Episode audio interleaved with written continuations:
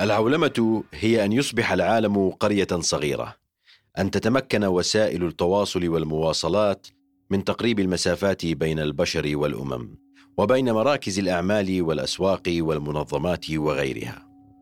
هكذا قدم لنا مفهوم العولمة وهكذا قدم لنا التعريف والشرح. وعلى هذه الدرجة من التبسيط أو لنقل كثيرا من الأحيان التسطيح صحيح أن شبكة العولمة زادت من تشابك مكونات العالم بطريقة غير مسبوقة ويعود الفضل الأول في ذلك للقفزة التكنولوجية غير المسبوقة كذلك. تسيطر الشركات متعددة الجنسية على نصف التجارة الدولية في العالم.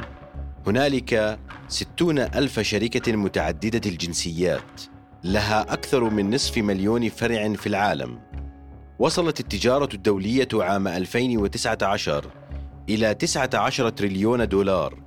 تبلغ قيمة الاستثمارات الخارجية في العالم ما يقارب تريليونا و300 مليار دولار لعام 2019 يعمل 158 مليون إنسان خارج بلده.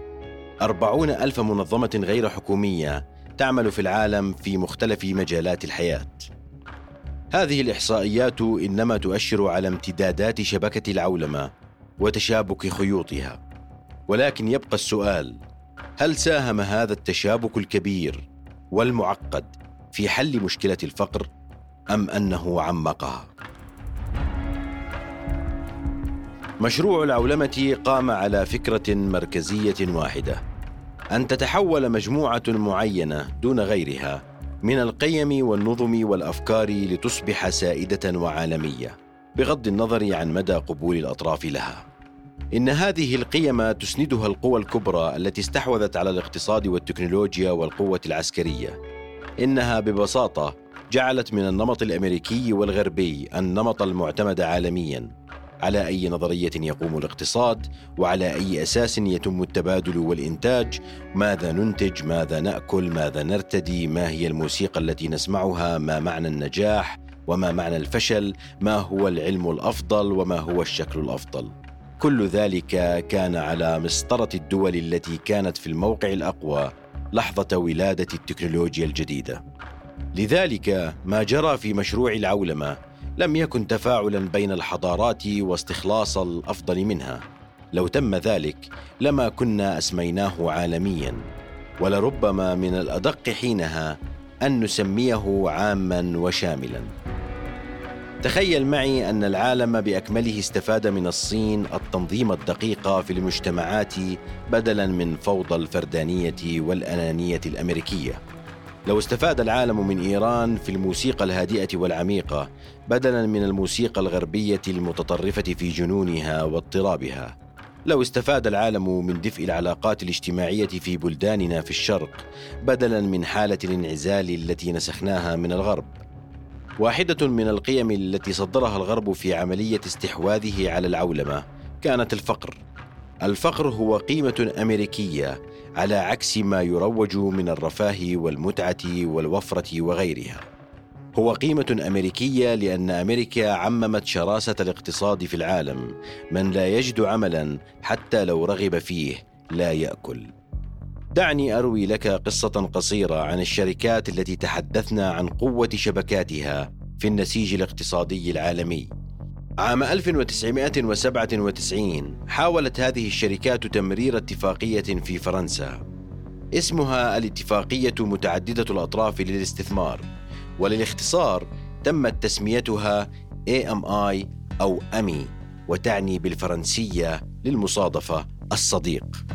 انطوت هذه الاتفاقية على حق الشركات في محاكمة الدولة نفسها في المحاكم الدولية في حال أقرت قانونا يخفض نسب أرباحها. بمعنى آخر إن أقرت الدولة تخفيض ساعات العمل فذلك يضر بأرباح الشركات. إن أقرت الدولة دعم القطاع الصحي أو جعله مجانيا فذلك يضر بأرباح الشركات. إن قررت الدولة فرض قوانين متعلقة بالتعليم أدوات إضافية أو مناهج إلزامية فذلك يضر بأرباح المدارس الخاصة الدولية. لو قررت الدولة فرض قانون يلزم الشركات بحد أدنى من الموظفين أو قانون يصعب عملية تسريح الموظفين فذلك أيضا يضر بأرباح الشركات. رأى الفرنسيون أن ذلك لا يمكن أن يكون اتفاقية صديق إنها اتفاقية عدو. تحرك الشارع الفرنسي وقد أسقط تلك الاتفاقية فعلا. والآن فكر معي في عدد القوانين التي سنت في بلادنا لمصلحة هذه الشركات. لذلك كثيرا ما نسمع مصطلحات على شاكلة العولمة الرأسمالية. إن ما تحدثنا فيه هو جزء منها وكثيرا ما نسمع بعولمة الفقر إن ذلك جزء منها أيضا. عودة إلى الشبكة المعقدة التي تحدثنا عنها في البداية. ففيها ما فيها من المنظمات أيضا وليس فقط الشركات. تفهم هذه المنظمات معنى العولمة جيدا. على الطريقة التي أوضحناها نحن تصدير القيم المحددة في الاقتصاد والسياسة والاجتماع إلى العالم. ومع ذلك هي لا تعرفها على هذه الشاكلة للناس. وإنما تستخدم التعريف الأول العالم المنفتح والمتشابك والمتصل. تعمل هذه المنظمات إلى جانب الشركات في مشروع عولمة الفقر الكبير.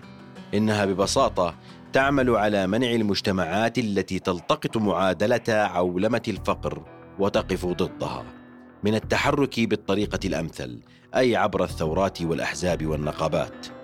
وتدعوها للانضمام إلى هذه الجمعيات والبحث عن حل عبر ورش في الفنادق الفاخرة. قد يكون الحل مساعدة مالية من الشركات عطفا على الفقراء. وقد يكون الحل أيضا الانضمام إلى برنامج تعزيز الديمقراطية. إنما تنجزه الشركات في مشروع عولمة الفقر تؤكده وتحميه هذه المنظمات. قد يبدو ذلك اغراقا في نظرية المؤامرة ولكننا في نهاية الأمر نقف عاجزين أمام الحقيقة المرة. عشرة في المئة من سكان العالم يعيشون بأقل من دولار وتسعين سنتا يوميا. يعني ذلك أن 770 مليون إنسان يعيشون الفقر المدقع